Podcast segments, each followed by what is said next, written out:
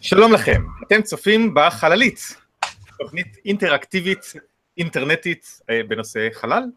שמי יואב לנצמן, מהנדס חלל, גיאופיזיקאי, אה, אה, מה עוד אני עושה? אני אסטרונום חובב, אני כותב את הבלוג מסה קריטית ואת דף הפייסבוק שנקרא כך. בעל אותו השם. נכון. אה, אני מהנדס מערכת בכיר בעמותת Space.il שהולכת להנחית חללית על הירח בשנה הבאה. ו, אה, אה, ואני מנחה את התוכנית הזו כבר, טה-טה-טה-טה-טם, ארבע שנים! יש בלונים מאחוריי. תודה רבה ילדים, תודה. תודה, תודה. תודה. אוקיי, אוקיי, אוקיי. משהו מקפץ שם מאחורה. אתם מכירים זוכרים מה אמרנו לכם בהתחלה? אתם מכירים את הקטע הזה שהילדים אומרים, אנחנו נעזור ונשים כן, ו- בלונים. ואז זה יוצא משליטה. אוקיי, אתה. תנחה את התוכנית. אמ, כן, ארבע שנים, זה אומר אה, בסביבות המאה תוכניות. זאת אומרת, יש בפלייליסט של החללית, יש כבר 98 תוכניות, אבל היו גם אה, אירועים בלייב שעשינו, אז בטוח עברנו כבר את המאה, שזה מלא זמן. מלא בוא זמן. נעשה משהו אחר. אה, טוב. אה, לצידי, אה, מפיקת התוכנית, דוקטור קרן לנצמן. שלום. רופאה אפידמיולוגית, מומ- מומחית באפידמיולוגיה ובריאות הציבור, כותבת הבלוג סוף העולם הבת מהיציע, ודף הפייסבוק עם אותו שם, והמחברת של הספר, זוכה פרס הגפן, שמיים שבורים. זאת אני, שלום. בצוות גם עופר מתוקי, אה, פרוטו-דוקטור מהאוניברסיטה העברית. אה, ב- קשה לי היום. כן, אתה ממש... אה, אה, מהתחום של אסטרופיזיקה וקוסמולוגיה, הוא מתעסק באנרגיות אפלות. יואב, ועכשיו עופר יגיד שלא ממש, וכותב הבלוג אה, היקום. היקום. הבלוג המצוין. היקום הנראה. דוקטור יעל הילמן ממכון ויצמן, חוקרת סופרנובות, טייפ 1A, בי. היי, היי? היום כבר בי? מה? קרן חוקרת את בי, אני על A. אוקיי, אז הכ- אז הכל טוב. אה, דוקטור, הוויקטטור. דוקטור ויק- הייל, ויקטור, הייל. אה, דוקטור להנדסת אווירונאוטיקה וחלל, אה, מומחה לדלק מוצק ו- וטילים ו- ודברים אחרים שמתפוצצים בחלל. ונשרפים. אה, נכון? כן? נכון. אחלה. ודוקטור בועז קרני הראל, פיזיקאי מומחה לפיזיקה של אנרגיות גבוהות וחלקיקים. ממש קטנים. ערב טוב. וה... אורחת הכבוד. אורחת הכבוד, האחת והיחידה. אה, טן, זה טן, זה טן, נכון, טן, טן. אה, שדוקטור רונה אורן, אה, פיזיקאית, פוסט דוקטורנטית, זה צריך להגיד? כן. כן, אוקיי. אה, מ-MIT, אה, מאיפה את מדברת איתנו עכשיו? מבוסטון, מהבית שלי בבוסטון. פשי, הטכנולוגיה של היום.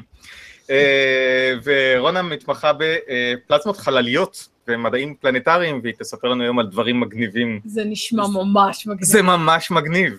אנחנו יודעים רק אנשים מגניבים.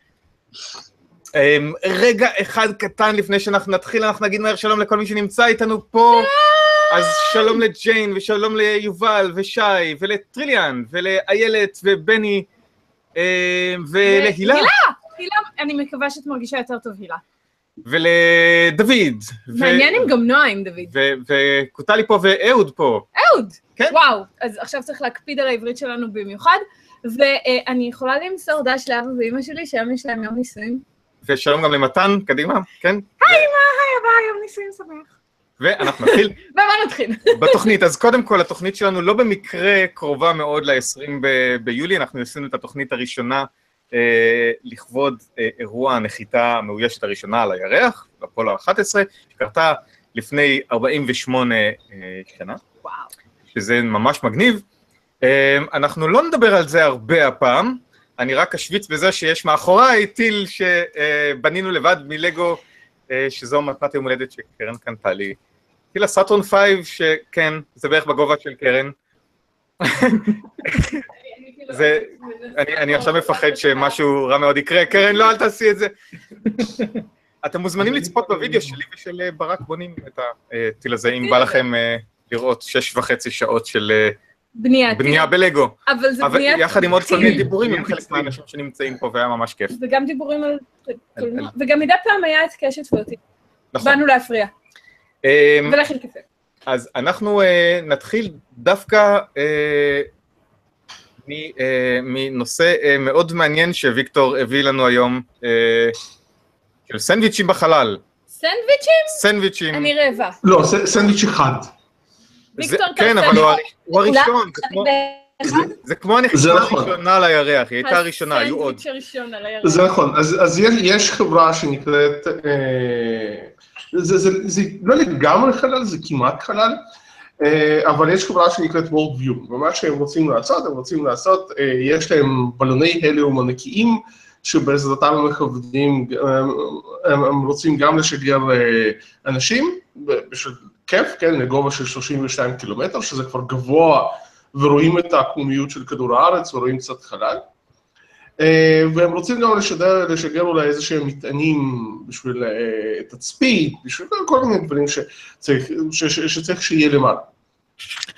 אז הם שיגרו אה, סנדוויץ' עוף של KFC. אני שמעתי גם. והוא הגיע לגובה של באמת של 32 קילומטר, ואני חושב שהוא עדיין שם. רגע, מה זאת אומרת עדיין שם? מה זאת אומרת? מזל מזלו שלי שזה נופל עליו. כלומר, אני, אני, אני לא בטוח שזה, אני, אני לא בטוח שהם שיגרו אותו במטרה של להוריד אותו, והוא יהיה שם, זה הרי אה, כדור פורח, כן? כלומר, זה כדור פורח ממולא בהליום. אז אם, אם האטימה שם מספיק טובה וההליום לא בורח, אז אה, הוא עדיין שם. אז הרעיון הוא אה, שיום אחד אנחנו נשלח אנשים לגובה הזה, ואנחנו רוצים שיהיה להם אוכל מראש? משהו כזה, כן. וזה KFC, יש שם כל כך הרבה חומרים משמרים שזה לא, לא כלום. תקשיב, אתם כולכם צוחקים, אבל KFC זה דבר טעים בטירוף, והם שמים כל כך הרבה שמן ומלח באוכל שלהם, שזה כאילו כל אבות המזון. שזה שמן ומלח. שמן ומלח. תזונאות חלל, כן. רופאת- החללית אמרה את דברה. I'm a, doctor, not a dietitianary. כן. כן. אה, שזה כמובן- זה כמובן. כמו שהם מטמינים מים בשביל ה- אלה שהולכים בשביל ישראל, אז פה כן. יהיה מין תחנות של סנדוויצ'ים. על כדורים פורחים. כן. טוב, אני חושב שצריך להביא את זה לכדור הארץ, לא רק בגובה 32 קילומטר. מזל שאין ציפורים בגובה הזה. ככה שאני אקטוף אותם. ככה אבל אני, חושב שאם כבר התחלנו עם, אה, לה- להטיס אנשים בכיף לחלל, אז בוא תמשיך לאייטם השני שהבאת לנו. כן. הי- הי- היום יש לי אייטמים נורא רציניים. אז אתם יכולים, יש חברה בארצות, חברה אחרת, חברה בארצות הברית שנקראת Elysium Space, Elysium והם, בסרט, הוא לא היה משהו. אה, כן, וזה הולך לכיוון של הסרט, כן? אה, מה שהם הולכים לעשות, הם הולכים לשגר אה, ננו לוויין, כלומר לוויין קטן, עם עפר של אנשים, אנשים שרוצים שהעפר שלהם, אחרי שהם מתים, אני מקווה שרק אחרי שהם מתים, אה, יתפזר בחלל.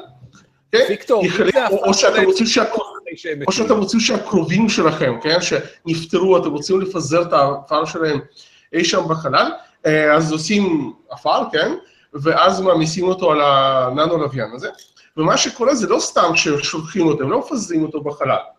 מה שקורה זה שזה לוויין אה, שנכנס למסלול, ואז הוא מסתובב במסלול במשך שנתיים, ואתם, ומי שקנה את השירותים האלה מקבל אפליקציה לפלאפון, ככה שהוא יכול תמיד לעקוב איפה הלוויין נמצא, ולעקוב איפה הקרובים היקרים לליבו נמצאים. ואז כשהלוויין זה ננו לוויין, אז הוא לא נשאר הרבה זמן, והמסלול שלו דועך, ואז הוא אה, נשרף באטמוספירה, ואז אתם יכולים לראות איך הקרובים שלכם בעצם הופכים להיות למין שוטינג סטאר כזה, אני לא יודע איך אומרים בעברית שוטינג סטאר, כאילו, מין כוכבים נופלים.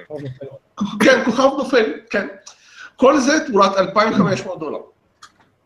לא אוקיי. אני... דברים הרבה הרבה יותר מפרכים. אני- הזה. עכשיו, אתם יכולים גם לשלם 10,000 דולר ולשלוח את ה- אה, את העפר של הקרובים שלכם לירח. או, כן. נשמע לי קצת מופרך. נשמע אה, כן, יש. קרובים שהיית רוצה לשלוח לשם כשהם עוד חיים. אבל אם כבר הם מתו, זה הרבה- יותר יקר. כן. רגע, רגע, אני- אני אני לא מבין. כן. חוץ מהחללית של יואב, יש משימות בדרך לירח שאני שם עליהן את האפר?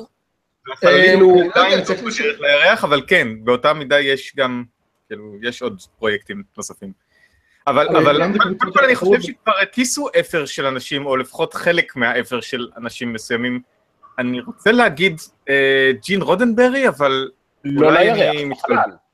לא, לא, ג'ין ל- רודנברי לשלוח לחלל, כן. כן, אבל פה, אתה אתה יודע, זה יכול, כל- כל אחד יכול, כאילו, אתה אוקיי. אתה- אתה רוצה, אתה יכול. כל אחד יכול. אני כן, עכשיו מתחיל אני לחשוב על כל מיני תיאוריות קונספירציה שהחומרים האורגניים שאנחנו מוצאים בכל מיני מקומות במערכת השמש זה בעצם, ובכן, בנימה קצת יותר רצינית, אני חושב שזה, כלומר, זה כמובן מטופש, כן? אבל זה, זה, זה בדיוק הקטע הנפלא, כן? כלומר, אה, אנחנו, אה, זה, חלל הופך להיות לאט לאט מ... לא לאט לאט, די מהר, ממשהו נורא רציני שאיתו עוסקות מדינות בסדר גודל של מדינות, לדבר נורא מטופש כמו לשגר סנדוויץ' או אה, לשגר, או, או לקבל אפליקציה בשביל לראות איפה האפר של הקרובים שלך מסתובב. אה, וזה מראה על איזושהי רגישות, ברגע שאנשים נכנסים לעשות דברים מטופשים, אה, זה אומר שזה, זה, לא עושים דברים לזה כש... כש זה נגיש, לא, לא, לא, לא שולחים פיצה לאברסט, לצורך העניין. רגע, מה זאת אומרת לראות איפה האפר מסתובב? מפזרים את זה, לא? לא, לא, לא, אה, זה נשאר יושב בתוך ככה הלוויין, בכלי ומרחף? כן, זה נשאר בתוך הלוויין ומסתובב. ואז כשזה. פותח, זה נשרף, ואז יש איזה כוכב נופל, וזה יפה, מרגש והכל. טוב. זה עדיף מאשר להשאיר את זה כפסולת חלל. אה, נראה לי על זה דיבר מופלסה. אה, דוד כפרי שואל, הוא סימן בשתי... לא סיפרנו לאנשים איך הם יכולים לשאול אותנו שאלות, יואב, נכון, פשוט מה יש- עברת הלאה. נכון, בשביל מה יש לנו מפיקה? אז אני רק אציין שדוד כפרי שואל האם הקרינה לא תפגע בכריך, ואני רוצה להגיד ששום דבר לא יכול לפגוע בכריך של KFC, הוא עשוי... חוץ מאפר של אנשים. מתנגש בו, בום. אוקיי. ויש מצב שזה... אוקיי. אתה רוצה לספר לאנשים איך הם יכולים אה, להצטרף אלינו? כי כאילו... לא אה, אה, חייבת, אתם יכולים. להגיב דרך הצ'אט. אה, אתה לא עושה את זה נכון. ככה, יש לכם שלוש דרכים לשאול אותנו שאלות ולהגיב לאנשים, ואנחנו מאוד נשמח אם תגיבו לנו. הדרך הראשונה היא בעזרת הטוויטר, תשתמשו בהשטג החללית, אל תשכחו את ההיי, אני מסתכלת על ההשטג הזה, ואם יש לכם שאלות שם, אז אני אשאל את חברי הפאנל. האפשרות השנייה היא לשאול בשרשור שאלות בדף הפייסבוק. בשל האירוע, אני פתחתי בדף הפייסבוק, שרשור שאלות לחברי, ה- סליחה, פתחתי בדף האירוע שרשור שאלות לחברי הפאנל, עם אפשרות לשאול שם שאלות, והאפשרות השלישית היא כמובן בצ'אט, שרץ ממש כאן, ואתם רק מתבקשים לסמן בשתי כוכביות, כמו שדוד עשה, כדי שאני אוכל להפריד את השאלות מכל שאר הדברים. חזרה אליי? חזרה אליך, יואב. תודה רבה. אה, אוקיי, בוא- היי, יעל פה. יעל. בן ישראל. אז שלום. היי, יעל. אה, ואנחנו אה, נמשיך אה, לנושא של ה- אה, לנושא של עופר, אה, על הכוכב הקטן ביותר שהתגלה עד- היום. אה, כוכב? כן, כן, כן, אה, זה בדיוק מה שזה. אה, אה, אסטרונומים אה, גילו את הכוכב הקטן ביותר שהתגלה עד היום, שהוא בערך בקוטר של שבתאי, זאת אומרת קטן אפילו יותר מצדק. אה, והם השתמשו בשביל זה בטלסקופ אה, שנקרא TRAPPIST, שהוא אה, טלסקופ מאוד מגניב שמגלה עכשיו כל מיני דברים מאוד מאוד קטנים. אה, ואחת ההשערות היא שזה ככל הנראה, אם לא ממש הכי קטן שיכול להיות, אז מתקרב מאוד ל, אה, ל, ל, לגודל הכי קטן שיכול להיות, אה, שהוא עדיין יכול להיות כוכב, זאת אומרת, להבעיר אה, מימן להליום. אוקיי. אה, מה המסה שלו? מה? מה המסה שלו? אמ, מסה אה, צריך להיות אמ, משהו כמו 0.07 שמש. שבעה אחוז ממסת השמש? כן, זה מאוד. קטן. אוקיי. אח- אחד הדברים שאני זוכר שתמיד אומרים על שבתאי זה שהוא מאוד מאוד דליל, זאת אומרת, אה, לא צפוף. כן, ו- כן, שבתאי הוא- הוא הוא ענק גזים, הוא- הוא- החלק הצפוף שלו רק בפנים, כלומר, אה, ברובו אה, יחסית דליל. אוקיי, אז השאלה שמתבקשת פה, אז למה צדק ושבתאי הם לא כוכבים? אמ, וואו, טוב, זה, זה, זה, זה משהו מאוד מסובך. אה, שקשור להיווצרות כוכבים, אבל בגדול אפשר להגיד כי הם לא היו מספיק במרכז בשביל שתיפול עליהם עוד מסה והם יוכלו להצית בעירה. אה, כלומר, צריכים להיות מספיק צפופים כדי שבמרכז שלהם תתחיל בעירה גרעינית. ואצלם זה פשוט לא קרה. אה, אה, עופר? כן. זה זה כוכב לא שהוא זה לא כוכב שבער הרבה. רגע, מי מדבר עכשיו? בועז. בועז. בועז. גו, בועז. זה כוכב ש- ש- שהוא הוא קטן כי הוא זקן, זאת אומרת, הוא כילה את רוב הדלק שלו והתכווץ, או שהוא נוצר קטן? אם בכלל יש דרך לדעת כזה דבר.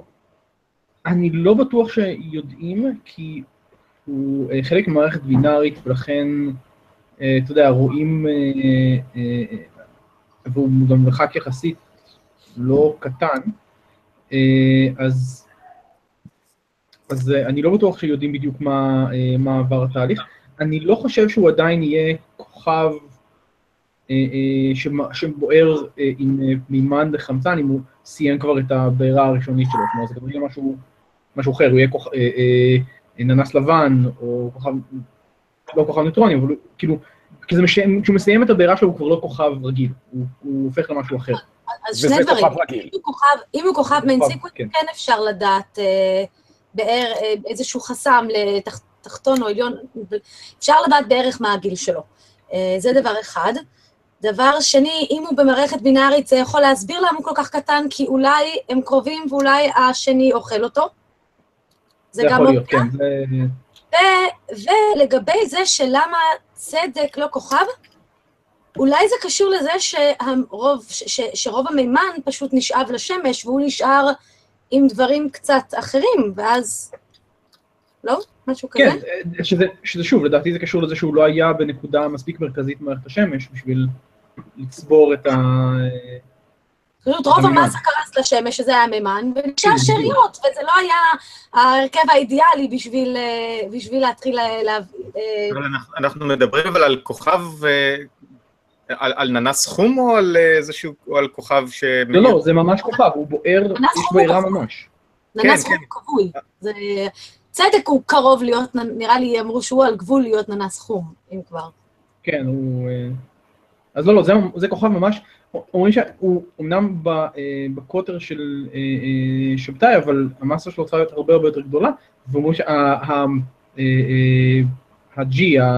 תאוצת הכבידה על פני השטח שלו אמורה להיות משהו כמו פי 300 מאשר על כדור הארץ, כן? כאילו, משהו מאוד מסיבי, אבל אה, אה, הרבה יותר צפוף מאשר מה שאנחנו רגילים אליו. אבל המסה שלו היא בערך כמו צדק, לא?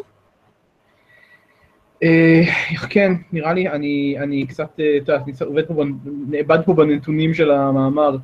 אה, 0.081 אה, אה, מסות שמש, בערך, וכמה אה, צדק? אני מסתכל על השני, אני כבר, אני כבר לא בטוח. צדק הוא 1 אה, חלקי 10,000. המסה של צדק היא בערך המסה של כדור הארץ, היא פי 100 מהמסה של כדור הארץ. אה, זאת אומרת, כן. 10 ב-26, זה 1 חלקי 10,000 מסת שמש? אה, יכול להיות, אני אני כבר אני- לא ניכנס עוצרת- רגע את המספרים האלה ומעלה שאלות מהצ'אט, ותודה רבה לכל מי ששאל שאלות בצ'אט, אני שמחה שהפנמתם איך לשאול אותנו שאלות. אז אני רוצה להתחיל דווקא מהשאלה האחרונה, כי היא שייכת לניר, שהוא מוריד מעט את הגיל הממוצע של הצופים. Uh, הוא שואל, מה זה בדיוק ננס חום, אם אפשר ממש בשתי מילים. אני יודעת שזה לא בדיוק מה שדיברנו עליו עכשיו, אבל ממש בקצרה, כדי שניר יוכל לעקוב אחרי התוכנית. מישהו, ננס זה אם- כוכב. אם, אני- אם אני זוכר, כן. זה, זה, זה כוכב קטן יחסית, ש, שיש לו אה, חוץ ממימן גם אה, הרבה דיוטריום, שזה מימן כבד, מימן שיש לו גם אה, אה, ניוטרון נוסף, ולכן אה, יש לו מספיק מסה בשביל להתחיל את, ה, את הבעירה, את ההיתוך הגרעיני. אה, אבל אני לא חושב שהוא עושה, אני חושב שזה, אם אני זוכר נכון, שוב, זה לא התחום שלי, אבל אם אני זוכר נכון, ננס חום לא בוער בהיתוך גרעיני, כלומר הוא על הסף, אבל הוא לא... לא, ב- הוא לא מביא מכנים אותם כוכבים שנכשלו, בדיוק. אם אני זוכר נכון. מסה של צדק זה לא אה, 1 חלקי 10,000, זה אלפית. מהשמש. כן, ו- ו- מה לי קטן מדי. אז רגע, אז... כן, לא, לא, אז הוא- מסה של 85 פעמים מסה ש- אה, מסה צדק. מסה של צדק, זהו. אוקיי, רגע, תפסיקו עם החישובים האלה. אני יודעת שזה נורא מלהיב אתכם. כמוכם, אבל אתם לא שומעים אותי עושה חישובים על גודל של כדורי אדם אדומות, נכון? אז את יכולה, אם את רוצה, אולי תתחילי? אנחנו מקשיבים. אוקיי, אם הם קטנים מדי זה אנמיה, לא? בינתיים שי אבידן מעלה חישובים לצ'אט. אז, אז ניר, אני מקווה שהבנת שזה כוכב שנכשל בלהיות כוכב, ולכן הוא הפך להיות חום. והשאלה השנייה היא, אה, מה המסה המינימלית לשמש? האם אם אנחנו זורקים מספיק שביטים על שבתאי, כך שהמסה שלו תגדל ותגדל ותגדל, בסוף הוא יהפוך להיות שמש? וזו לא, שאלת דוד. שביט לא מורכב ממימן, אז זה- זה לא כן, קשור. אמ, זה לא רק כמות מסה, זה גם ההרכב. גם- גם המסה שלהם היא נורא נורא נמוכה. הם- לא, אבל זו הייתה שאלה תיאורטית, אז ישימו שמונה מיליארד שביטים, אבל עדיין. אוקיי. הרעיון היה אה, ש- שתוסיף, אם- נגדיל את המסה, אבל לא, בגלל שכדי לה- כדי להיות כוכב צריך להבעיר מימן. אז אני, אז, אני, אז אני אסבך אותך, כי שביטים הם ברובם מים, וקרח של מים, ובמים יש מימן. יש לי שאלה אבל. יש גם, מש- יש גם חמצן, כלומר זה לא... חמצן, אתה צריך ו- שהרוב יהיה מימן. פליקטים ו- ובלגנים וכל מיני דברים יש שם. יש לי בואי שאלה... ככה, אחוז, אחוז המימן בשמש כרגע הוא משהו כמו 70 ומשהו אחוז, אה, אמ, שזה לא מאוד שונה מהאחוז הכללי ב- ביקום. זאת אומרת, זה, זה די דומה ל... ל אה, גם אחרי כל הדורות של כוכבים שפיזרו מתכות כבדות והכל, עדיין הרוב הגדול של החומר ביקום ובכוכבים הוא מימן. זאת אומרת, זה מה שאתה צריך שיהיה שם בעיקר. אוקיי, אז, אז לפני שאני שואלת את השאלה של מה יקרה אם נשגר מלא בלוני הליום על, על צדק, האם זה יעזור, אז בואו נעבור הלאה, כי אה, מאוחר. נכון. ויש לנו מיליון נושאים שהם משום מה לא כריך הענק של KFC, אני לא לא, מבינה למה אנחנו, אנחנו בכלל... אנחנו, אנחנו הזמנו אורחת מכובדת לכאן. כן, בואו ולכן בואו אנחנו- נתייחס לאורחת המכובדת שלנו. כן. היי רונה. שלום רונה! שלום לכולם, נעים לי לפגוש אתכם שוב. לצופים הוותיקים מאוד שלנו, אה, אה, אולי אתם אה, זוכרים שרונה כבר התארחה בתוכנית השנייה שלנו, ואולי גם אחר כך הייתה עוד פעם, אני כבר לא לא. זוכר. לא? אוקיי. אוקיי, אז, אבל את כבר לא חדשה בחללית. אתם צריכים לעשות כזה כמו ב Saturday Night Live, שיש כאילו, כן. שסופרים ל host כמה פעמים הם באים. הבנתי, אוקיי, אז נסמן... אה, אוקיי, אז אנחנו אה, רוצים אה, לשאול אותך על, על, ה- על הסיפורים המטאוריים ש- שסיפרת לנו, שנשמע מאוד מאוד מעניין. כן, אז אני באתי לספר לכם על מטאורים באמת. אני הגעתי לתחום הזה מהתחום של פיזיקת חלל, פיזיקת שמש, ומסתבר שאבנים יכולות ללמד אותנו הרבה מאוד uh, על מערכת השמש ואיך שמערכת השמש נוצרה, זה קצת קשור למה שכרגע דיברתם עליו. Um, אבל אני רק שנייה אשתף פה את המסך שלי. Um,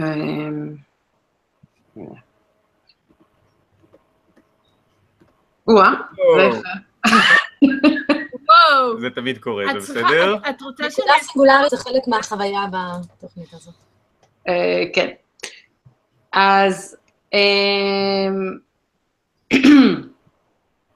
אתם רואים? רואים. אוקיי, אני אגדיל את זה, שזה לא, שלא תראו את כל עצמכם. אוקיי, אז uh, כמו שרובכם יודעים, אבל אני אסביר קצת בקצרה, כשמערכת השמש נוצרת, uh, הכוכב uh, המרכזי, השמש נוצר, נוצרת uh, במרכז, וכל השאריות של הענן uh, גז שהתחיל, מסתובבות uh, מסביב לה, שזה מה שאנחנו רואים פה בחום, בכל מיני גוונים. ומה שאתם רואים פה, את העיגולים הקטנים האלה, הם נקראים קונדרולים. שזה בעצם uh, טיפונות uh, של uh, אבק שנמס ועבר, חזר חזרה להיות מוצק בצורה מאוד מהירה, וזה בעצם, בגלל זה הם כאלה מין ספרות. Um, וזה חלק מהחומרים המוצקים הכי עתיקים שאנחנו מכירים, um, והם, הקווים הירוקים שאתם רואים פה זה, זה קווים של שדה מגנטי, ובגלל זה אנחנו, אנחנו ספציפית במעבדה אצלנו מתעניינים בהם, בגלל שהם יכולים אה, בזמן ההיווצרות שלהם להקליט את השדה המגנטי שהיה סביבם אה, באותו זמן. אה, עכשיו אני אראה לכם תמונה מאוד מגניבה של אה, מטאוריט. מטאוריט איינדה זה חתיכה מהמטאוריט הזה. רונה, רק שנייה, להקליט הכוונה היא בעצם לשמר את, את השדה המגנטי שהם הרגישו בזמן, ש, בזמן שהם התגבשו?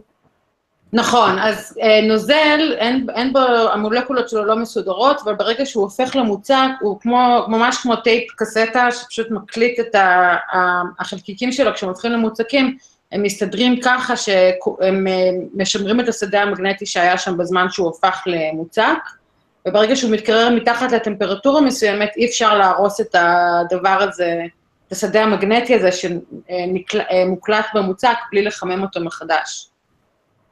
אז זה בעצם, אה, זה בעצם כאילו ששמנו קסטה והקלטנו מה קרה בתחילת אה, מערכת השמש. כן. זה טוב, ממש ל- מגניב. לילדים שצופים בנו, ק- ק- קסטה זה משהו די היסטורי, שהקליט באמצ- באמצעות שדה מגנטי. אז אה, זה VOD, זה הורידו מה... עשו... אה, לא, אבל, לא, אבל זה, זה נכון, כי שם הייתה הקלטה מגנטית, אז... אוקיי, זה נורא מגניב. אז מה אנחנו רואים פה? זה נורא מגניב. מה שאנחנו רואים פה זה חתיכה ממטאוריט איינדה. אני רק אקדים ואומר שלפני שאנחנו מסתכלים על... למה אנחנו מסתכלים על מטאוריטים בכלל, ולמה אנחנו לא יכולים לראות דברים כאלה בכדור הארץ? כי כדור הארץ כולו, בגלל שהוא נורא גדול, הוא עבר חימום מאוד גדול רק מהלחץ, והחומר שנוצר בו נמס, אה, והפך אה, והתמיין, החומרים הכבדים שקעו למרכז, ואז יש לנו את הליבה, המעטפת וקרום כדור הארץ, שאולי אנשים זוכרים משיעורי גיאוגרפיה. אמ, אבל מה שמגניב במטאוריטים, שהם באים מהאסטרואידים, זה שהם לא עברו את התהליך הזה, אז בעצם יש לנו פה את החומרים הכי עתיקים שידועים לבני אדם, נשארו במצב המקורי שלהם ולא עברו תהליכים אחר כך, אה, שוב, לא הפכו ליבשות וכולי וכולי. אז מה שאנחנו רואים פה זה חתיכה מהמטאוריט אה, איינדה, שהוא אה, אחד המטאוריטים הכי גדולים שנפלו ושחקרו אותם. הוא נפל בשנת 69 במקסיקו, ליד איינדה.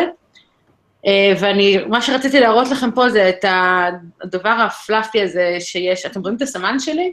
כן, רואים את הדבר הלבן המג'ויף הזה, שהוא פחות יפה מכל העיגולים היפים. נכון. אז הדבר המג'ויף הזה, זה החומר הכי עתיק במערכת השמש, הוא נוצר לפני 4.5 ביליון שנה. החומר המוצק הכי עתיק, זאת אומרת, חומר ולא אה, פרוטון או אלקטרון, כן? מהמם. אמ, וזה נקרא, יש לזה שם מאוד לא דרמטי, שנקרא קלציום אלומינום ריץ' אינקלוז'נס, שזה ממש שם לא, לא, לא טוב לדבר כזה מגניב. אמ, ומה שמגניב זה שאנחנו יכולים אה, לתארך אותם ולדעת מתי הם נוצרו, ואנחנו יודעים שהם נוצרו לפני כל הפלנטות ולפני כל שאר המוצקים. וזה בעצם נותן לנו את השעון עצר שאומר, זה הזמן שבו מערכת השמש נוצרה, זה פשוט הרגע הראשון שהם התחילו להיות מוצקים. אמ, ואז יש את העיגולים המגניבים האלה, שקרן שמה לב אליהם, כי הם באמת נורא חמודים, והם נקראים קונדרולים. אמ, ואם אני אחזור לתמונה שראינו קודם, אז אלה הקונדרולים האלה, אלה הטיפונות אה, שעשויים מסיליקט, שפשוט אה, אה, אה, קפאו והקליטו את השדה המגנטי. ואנחנו סיליקט בעצם- סיליקט זה בעצם כמו חול, כן, נכון. אוקיי? ואתם יכולים לראות אותם פה, בתוך המטאוריט הזה, אה, אפשר מה- לראות... אז מה הגודל של מה שאנחנו רואים? כן, של החתיכה עם הג'ויף. אה, כל הדבר הזה זה כמה סנטימטרים, הם בגודל של אה, כמה מילימטרים, בדרך כלל. אה, יש פה עוד תמונה שלהם שאפשר לראות אותם, איזה עגולים ויפים הם. זה בחתך, אפשר לראות אותם מבחוץ, ממש בתוך הסלע. רגע, אני רוצה להבין משהו. זה כאילו, סליחה על ההפשטה המטורפת, אבל זה מין חתיכות חול כאלה, שפשוט עבר דרכם שדה מגנטי, ואז הם, החלקיקים שלהם התיישרו בצורה מסוימת, ואז הם נמעכו על אסטרואיד, ואז אנחנו יכולים לראות את זה? נכון מאוד. הבנתי. ובגלל שהם לא היו על אסטרואיד, בגלל שהם היו על אסטרואיד ולא על פלנטה, הם נשארו בצורה הזאת. זאת אומרת, ההשערה היא שכל הפלנטות בעצם נוצרו מהמוצקים הראשונים האלה, אבל הם פשוט נמסו והם לא נשארו כאלה עיגולים חמודים ומשומרים. רגע, אבל, אבל בסוף המטאור הזה פוגע בפלנטה, בכדור הארץ, ו, ואז אנחנו אוספים אותו, אבל הוא חטף אה, טראומה די רצינית בפגיעה, לא? או במעבר באטמוספירה. הם חוטפים טראומה, אבל הם לא עוברים את הטמפרטורה שממיסה אותם. הם כנראה נוצרו בטמפרטורה של 1,300 מעלות, אז הם, הם לא מגיעים לטמפרטורה הזאת, הם לא נמסים. הש, השכבות החיצוניות של מטאור באמת נהרסות, אבל החלק הפנימי, אני חושבת שהיינדה, אם אני לא טועה, זה היה 2,000 טון של חומר, אז נש- נשאר מספיק חומר שלא עבר. ומה הספ- מה הספקנו ללמוד מזה? אז מה שהספקנו ללמוד מזה, אני עכשיו אראה לכם תמונה של אה, חתך, אה, של מה, מה האנשים שמתעסקים בשדות מגנטיים עושים. אז אה, לוקחים את החתיכה הזאת של מטאורית, אתם יכולים לראות פה את הקונטרולים וכולי, ואנחנו חותכים אותם ומודדים את השדה המגנטי שהם הקליטו, ומזה אנחנו יכולים ללמוד כל מיני דברים על אה, מה נוצר במערכת השמש. אז אני אחזור חזרה לוידאו, שתראו אותי. אוקיי. אז אה, מה שלמדנו, מה? את לא רק חלקיקים וחול, את גם בן אדם. אז אחד הדברים הכי מגניבים אה, זה שב-2014 יצא מאמר שאנשים הסתכלו בתוך הקונטרולים האלה והם הצליחו להקליט את השדה, הם הצליחו בעצם לשחזר את השדה המגנטי שהיה קיים אה, בדיסקה של, של מערכת השמש. אה, ויותר מאוחר אנשים הסתכלו, בעצם המטאוריטים האלה נותנים לנו אה, איזשהו, אה, איזשהו קו זמן כזה של לפי מתי שהחומר נוצר, איזה תקופה הוא הקליט. אז אנשים הסתכלו על הקונדרולים האלה וראו מה היה השדה ההתחלתי בדיסקה, ואז הם ראו שאחרי אה, ארבע מיליון שנים, השדה הזה נעלם, כשהם הסתכלו בחלק אחר של המטאוריטים. אז זה בעצם נותן לך דרך, אתה מסתכל באבנים ואתה יודע מתי הדיסקה בעצם התפזרה. כי אם השדה המגנטי הזה נעלם, הדיסקה כבר לא שם. וואו. אוקיי. אז אה, זה חשבתי שזה מגניב, כי זה ממש להסתכל באבן ו... ולגלות משהו כזה. כמובן שאתה צריך לשלב עם זה איזושהי הבנה בסיסית של אה, תהליכים של יצירת פלנטות, אבל בעצם אתה ממש למדידה ישירה של ההיסטוריה של מערכת השמש שלנו. כן, זה, זה, נותן, זה נותן פרק זמן לכמה זמן לוקח לפלנטות לפנות את הדיסקה מכל ה... אה, לפנות את המסלולים שלהם. נכון. וזה פחות או יותר אה, אה, עקבי עם אה, כל מיני תיאוריות שאומרות שזה לוקח כמה מיליוני שנים בודדות לעשות את זה, ואז באמת יש לנו איזשהו סטופ, באמת בזמן הזה, אין, אנחנו רואים אותו קודם, אנחנו לא רואים אותו אחר כך. יואו, זה כזה אוסומי, זה כמו ספר היסטוריה, אבל בציורים עם חול. סליחה. כן, זה- ככה זה גיאולוגיה, זה ממש מגניב. זה ממש מגניב, אני עכשיו רוצה ללכת ולהסתכל על אסטרואידים בגלל זה. זה גיאולוגיית חלל, ממש, זה כל, ה, כל השיעורי גיאולוגיה שהיינו צריכים לעשות, ולא כל כך רצינו לעשות, עכשיו זה כזה, אוקיי, אפשר לדעת מלא דברים מזה. חוץ מהקורסו על חיפוש נפט. חיפוש אבל- נפט, ב- אמ, אבל... יואב, זה כאילו שלא ראית את ארמגדון. אה, כן, אה? עופר, אתה תשלם על זה. אתה אתה מתכוון, אתה מתכוון, הקורס הוא הולך ל- ל- לגייס את ברוס וויליס אבל, לדברים. אבל, אבל את אה, קישרת יפה ל- לאסטרואידים, שזה הנושא הנוסף שרודה תספר לנו עליו. נכון, ריד סייקי? סייקי, אה, או פסיכי, כן. אה, אז אני, טוב, אני אחלוק שוב את המסך, אה, כי יש לי תמונה מגניבה.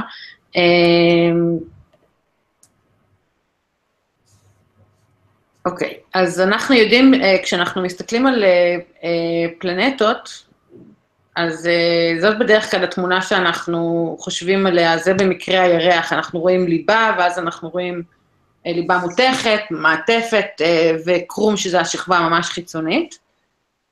אבל אחד הדברים המוזרים שאנחנו לא יודעים זה למה כל כוכב עושה את זה קצת אחרת. יש פה איזו תמונה מגניבה שמצאתי לא מזמן, שמראה איך כל פלנטה במערכת השמש שלנו אה, מורכבת אחרת אה, מבפנים. אה, אם למשל תסתכלו על מרקיורי, אז למרקיורי יש ליבה ענקית, בכדור הארץ יש משהו הרבה יותר קטן מזה. רגע, אני, שנייה, אני יודעת שלכם זה נורא ברור, מרקורי זה זה כוכב חמה. הכוכב- זה כוכב חמה, זה זה עם הצהוב הענק הבולט, נכון? למטה מ... כן, אוקיי. כן, כתוב. לא, לא, אני רוצה לוודא שגם אנשים אחרים... יכולים- כן, אוקיי.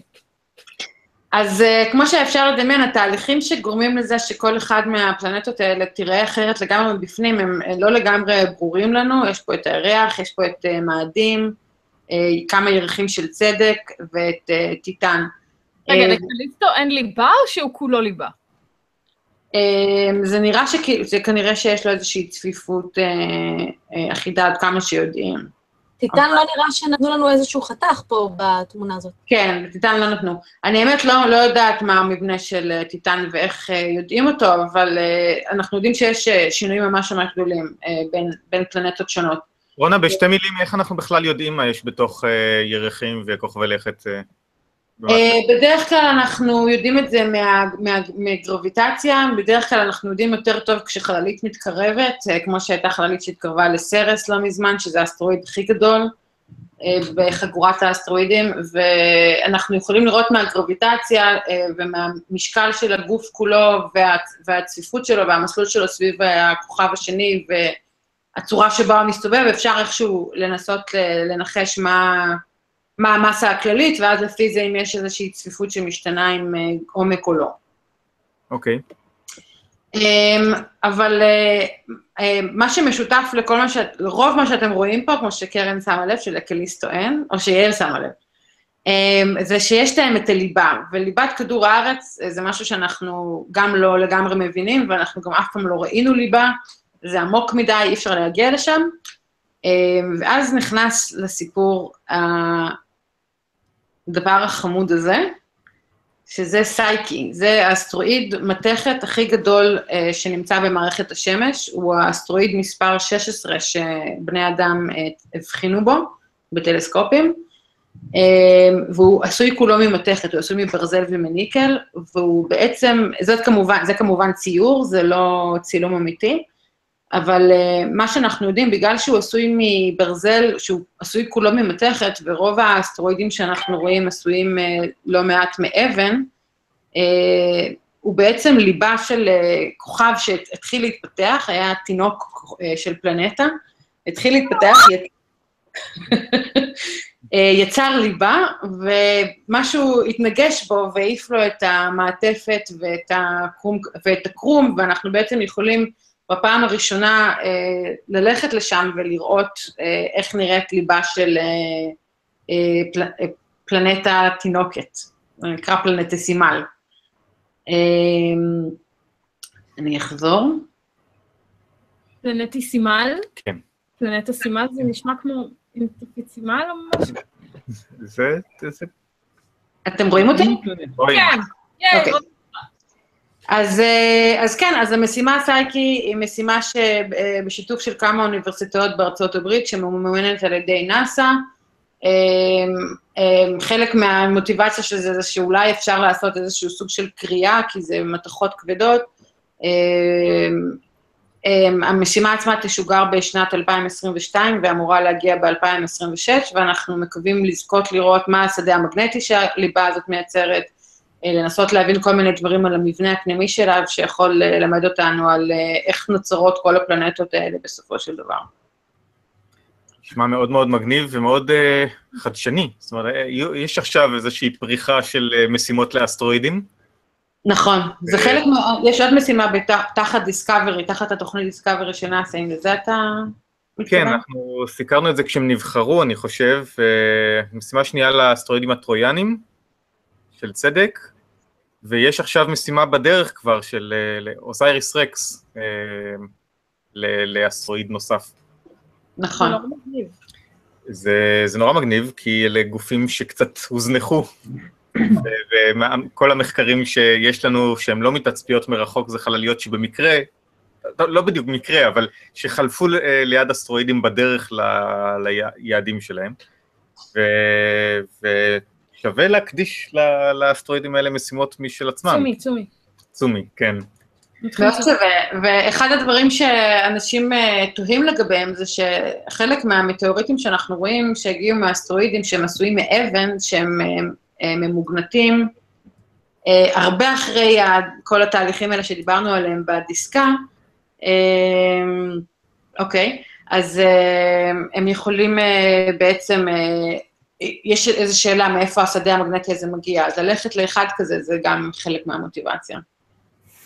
נורא מגניב. אמ, יש לנו בעיה שאין לנו עוד הרבה זמן ויש שאלות, אז אז שאלה אחת, שאלה אחת, א- אוקיי, אני לא יודעת את מי לבחור. שאלה שעוד לא ענינו על- עליה.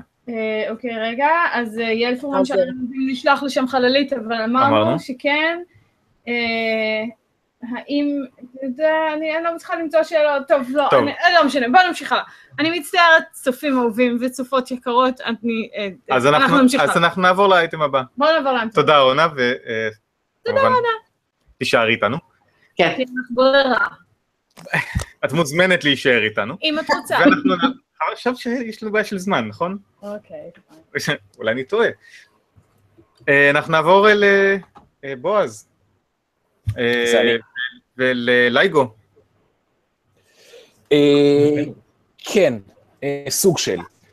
אה, אז, אז יש, יש סיפור שנוגע ללייגו, שמתחיל לפני בערך חודש וחצי, באמצע יוני, קבוצה של פיזיקאים דנים ממכון נילס בור, אמרו שהם ניתחו את המידע שיצא מלייגו, והם ראו שיש... בוא נזכיר רגע מה זה לייגו. לייגו זה הגלאי, אנחנו דיברנו עליו, אה, אה, אפילו התארח אה, אופק בירנהולץ, שהוא אחד מהמדענים שעובדים על לייגו, זה הגלאי שבו גילו גלים כבידתיים. בספטמבר 2015 גילו אותם, ובפברואר 2016 הכריזו לעולם על הגילוי. אז זה לייגו. זה בעצם שני גלאים בשני קצוות של ארצות הברית, שגילו גלים כבידתיים. אנחנו צריכים להרחיב עוד, יואב? לא, לא, מספיק טוב. גלים כבידתיים, אנחנו יודעים מה זה. לפי החוקים אוקיי. של קרן בכלל לא היית חייב להסביר מה זה לייגו, כי זה רק שתי הבהרות.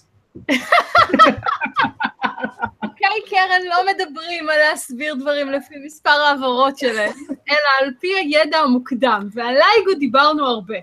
אז זה בסדר. חזרה אליך בועז. תודה.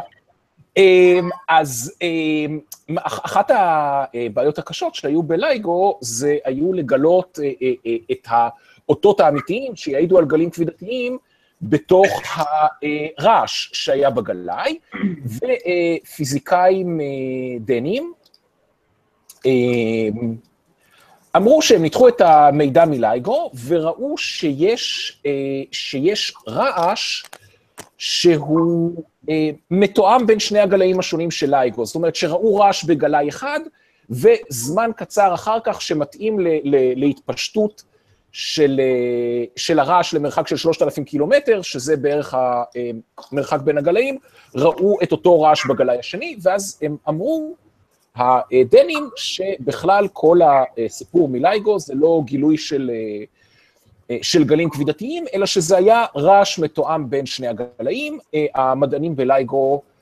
אה, הגיבו תוך זמן מאוד קצר ואמרו, לא נכון, יש לנו פה באמת גילוי של גלים כבידתיים, הניתוח של הקבוצה הדנית אה, היה ניתוח לא מדויק, והם הראו באותות ובמופתים שאכן יש להם גלים כבידתיים, אבל אז אה, מי שהפנה את דעתו לנושא הרעש, ורעש שהוא מתואם בין שני הגלאים, זה אה, הפיזיקאי הבריטי רוג'ר פנרוז, שאמר שהרעש המתואם הזה יכול לתת תימוכין לתיאוריה שלו, שנקראת אה, קוסמולוגיה קונפורמית ציקלית, שבעצם מה שהיא אומרת זה שהיקום, היקום שלנו הרי מתפשט, התיאוריה של פנרוז אומרת שהיקום מתפשט ומתפשט אה, אה, בקצב גדל והולך, כמו שאנחנו רואים ביקום שלנו, והוא עושה את זה בצורה כזו ש, שהוא מגיע לאיזשהו גודל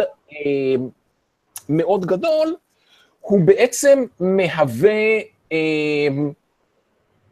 מהווה big bang, מהווה אה, אה, בום גדול לשלב הבא, ליקום הבא. והוא אומר שיש מחזוריות, יש יקום שמתחיל מ big bang, מתפשט ומתפשט ומתפשט, ואז נוצרים, נוצרים בו תנאים מתאימים בעקבות ההתפשטות, והוא big bang לעידן הבא. ופנרוז אומר שהרעשים המתואמים האלה, הרעשים המסונכרנים בגלי הגרב, הגרביטציה, יכולים להעיד ש, שיש משהו בתורה הזאת, כיוון שהתורה הזאת מנבאת קיום של אה, חלקיקים, שהם מאוד מאוד כבדים, למעשה המסה שלהם היא המסה הכי גדולה, פחות או יותר הכי גדולה שיכולה להיות לחלקיק, זאת אומרת, הם מאוד קרובים למסת פלנק, שרק בשביל לסבר את האוזן למספרים, אנחנו מדברים על המסה אה, הכי גדולה שיכולה להיות לחלקיק, אנחנו מדברים על בערך 1 חלקי 10,000 של גרם. אה, והחלקיקים האלה, כשהם דועכים, הם דועכים אה, ומייצרים הרבה אנרגיה, הם מתפרקים ומייצרים הרבה אנרגיה, ואנרגיה כזו יכולה להיות האותות האלה אה, בלייגו, ומה שמגניב זה שהחלקיקים האלה הם מאוד כבדים, והם לא עושים אינטראקציה בשום צורה למעט כבידה, זאת אומרת שהם מועמדים מאוד מאוד טובים להיות חומר אפל. פנרוס מכנה אותם ארבונס, ארבונים, על שם אה, אל הלילה במיתולוגיה היוונית, ארבון. אה, ונראה, אני בטוח שתהיינה עוד הרבה תגובות על המאמר ועוד הרבה ניתוחים של המידע, אבל אה, זו, זו הטענה כרגע של, אה, של רוג'ר פנרוס, שפורסמה ממש לאחרונה.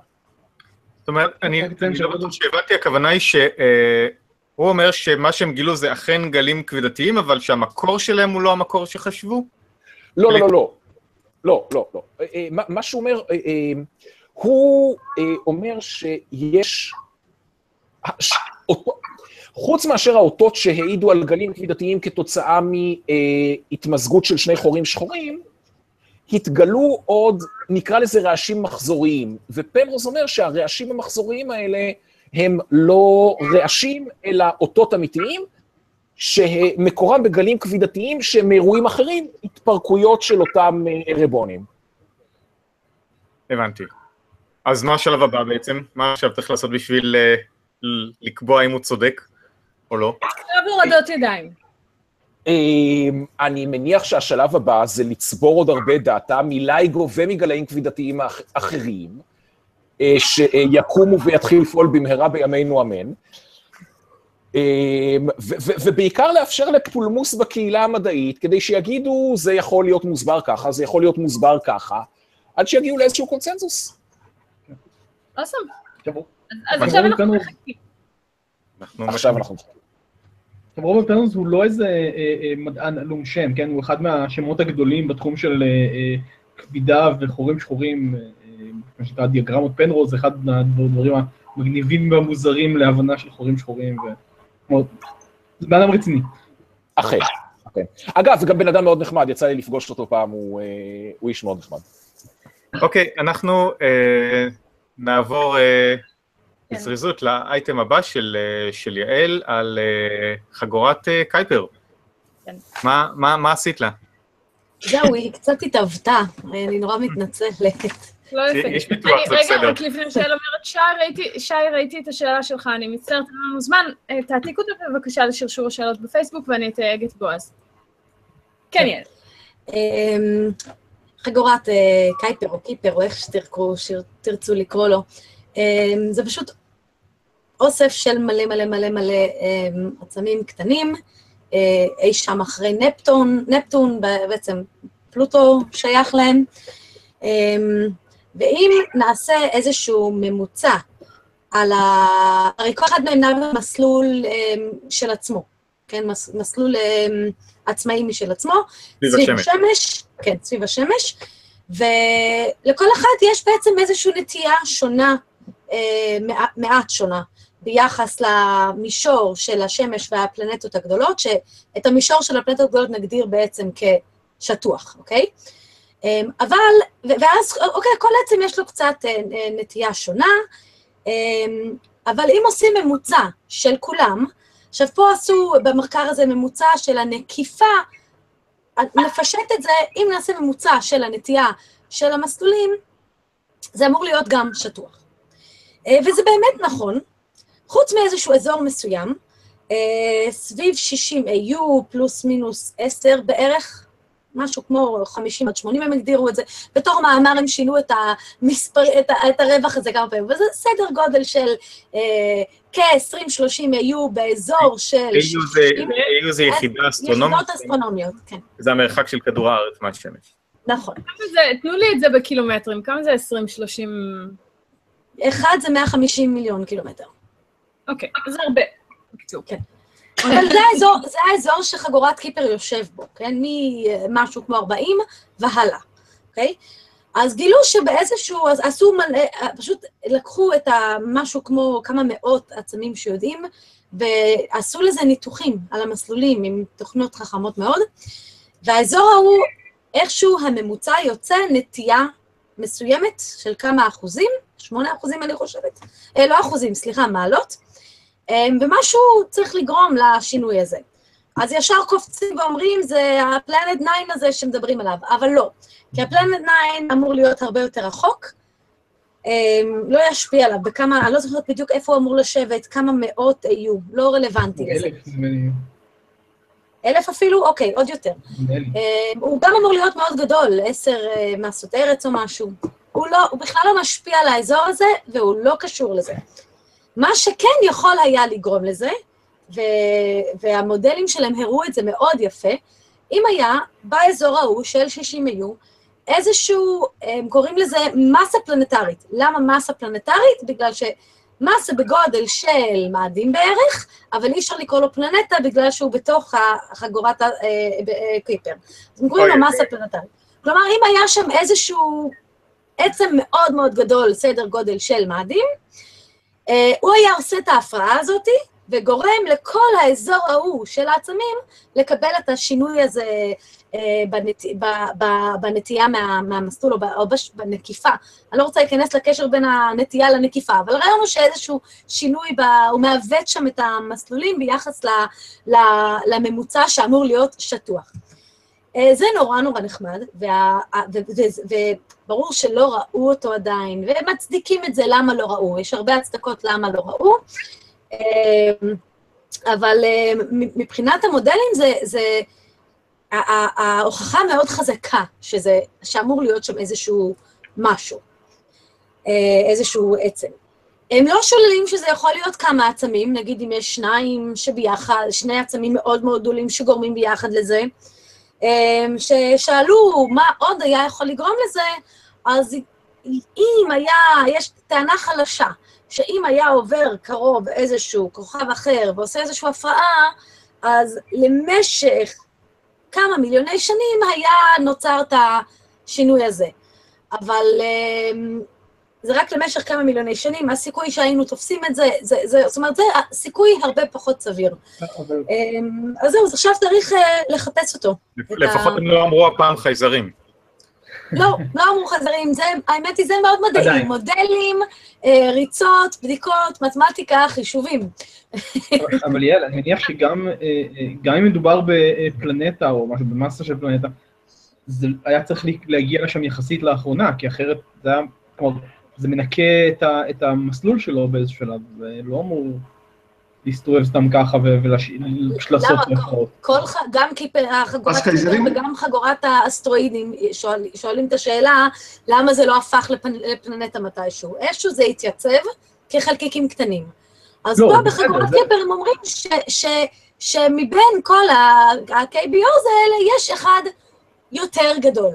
זה ככה לא, הם אבל זה. משמעותית יותר גדול, זה כבר בגודל שהוא, על פי כל מה שאנחנו יודעים, על פי ההיכרות שלנו עם אה, מערכת שמש, שמש, שמש שלנו ואחרות, כבר אמור נכון. לנקות לו מסלול. אה, אבל אה, לא יודעת, זה, זה מה שהם אומרים. אוקיי, יש לי. שאלה בסיסית, הקויפר מאמינים שהם הגיעו לשם, הם התפזרו מפנים מערכת השמש, או שהם נוצרו שם? חגורת הקיפר? כן. לא, הם, אם אני לא טועה, נוצרו שם. זה, ה, זה ענן אורט שנזרקו החוצה. שאם אני לא טועה, זה... אוקיי. אמ, אה, אנחנו... יכול להיות שאני טועה, אבל אני חושבת שזה... לא, אני לא יודעת, אני תוהה באמת במה ש... השביטים מגיעים לשם כי משהו זורק אותם פנימה, זה כן. כן. אוקיי, אמ, אנחנו אה, לקראת סיום. אנחנו חייבים לא, לסיים לא, לא למעשה. נספיק את כל האייטמים, אז מה שאנחנו צברנו, צברנו די הרבה, אה, אנחנו אה, נדבר עליהם בתוכנית הבאה. אז אה, רגע לפני שאנחנו נפרדים, אה, אני רוצה לספר לכם על אה, שני אה, אירועי חלל אה, שקורים בארץ, אה, בשבילכם, עבורכם. אה, אחד מהם ב-27 לחודש, זה יום חמישי, הקרוב. אה, אתה שואל אותי? כנס של אה, אה. קהילת שביט, אה, קהילה חדשה יחסית, אה, של, אה, מופנית בעיקר לבני נוער ושכבות הגיל אה, הצעירות שמתעניינות אה, בחלל, כולל חיילים, כולל סטודנטים. זה מתאים גם לילדים או בני נוער? אה, אני חושב שזה בני נוער, אוקיי. אמ, ואתם אה, מוזמנים, יש, יש להם אה, כנס אה, אה, שמפורסם ב- בפייסבוק, אנחנו נשים את הכישורים עוד מעט, אה, בשביל שתוכלו אה, לראות את זה. אז אה, מומלץ בחום, יהיו שם אה, הרצאות, גם על אסטרואידים, גם על אסטרוביולוגיה, אה, שווה להגיע. כנס נוסף שיהיה כמה ימים אחרי זה, ביום ראשון, שזה ה-30 ב- ביולי, בגוגל קמפוס בשבע בערב, כנס שאני גם כן מעורב פה, של אגודת מאדים הישראלית, כנס פעילים, שבו אנחנו הולכים לד- לדבר על הדברים שאנחנו הולכים לעשות בתקופה הקרובה ובעתיד היותר רחוק, ו... אה, אה, תהיה שם גם, אה, גם הרצאה וגם פעילות התחלתית בשביל שאפשר יהיה להתחיל לעבוד, כי כבר יש עמותה והקמנו את כל מה שצריך בשביל זה, אז אפשר להתחיל לעבוד. אז אתם מוזמנים גם להצטרף, כל מי שרוצה לקחת חלק בפעילויות המגניבות שהולכות להיות לנו, אז אתם מוזמנים, הכניסה כמובן בחינם. ואנחנו נשים לינקים לאירועים האלה בדף של החללית. נכון. אז אז ת- כן. תודה שצפיתם בנו. אנחנו, אה, החללית, אנחנו אה, משדרים את התוכנית בכל מוצאי שבת שני, זאת אומרת שבוע כן, שבוע לא, אז התוכנית הבאה היא אה, בשבוע הראשון של אוגוסט. יש כן. עוד תוכנית לפני שאנחנו אה, נוסעים? כן, אה, ותהיה לנו תוכנית בין לבין דרך אגב? מה זה, מה זה בין לבין? שלא נהיה פה? אנחנו נשתדל. נראה מה אפשר לעשות. אוקיי, אז אז אה, אה, אנחנו משדרים את התוכנית פעם בשבועיים, מוצאי שבת, בשעה תשע בערב. אה, יש אה, עמוד בפייסבוק שנקרא החללית, תוכנית אינטרנט על החלל, אתם מוזמנים אה, לכתוב לנו לשם אה, שאלות, בקשות, הערות, מענות. הערות, עניינים. אה, נשמח מאוד אם אה, תסמנו לייק לסרטון שאתם צופים בו כרגע ביוטיוב ו subscribe לכל מי שמעוניין לקבל עדכונים ולראות כשיש דברים נוספים. Share. וזה הדבר האחרון, שאני אה, אומר, ות- בסדר. תעשו share, כי ככה אנחנו מגיעים לעוד צופים, לתוכנית אה, הפעם היו אה, אה, לא מעט צופים. היו מלא אנשים, איזה כיף שבאתם. ומגניב, אז, אני אה, שמח לראות פה את האנשים אה, אה, הצופים הקבועים, אבל אנחנו כמ- כמובן תמיד שמחים לראות חדשים, אז בבקשה לעשות share ולהפיץ אה, להפיץ את אה, קידום התוכנית בשביל שנגיע לעוד הרבה אנשים אחרים.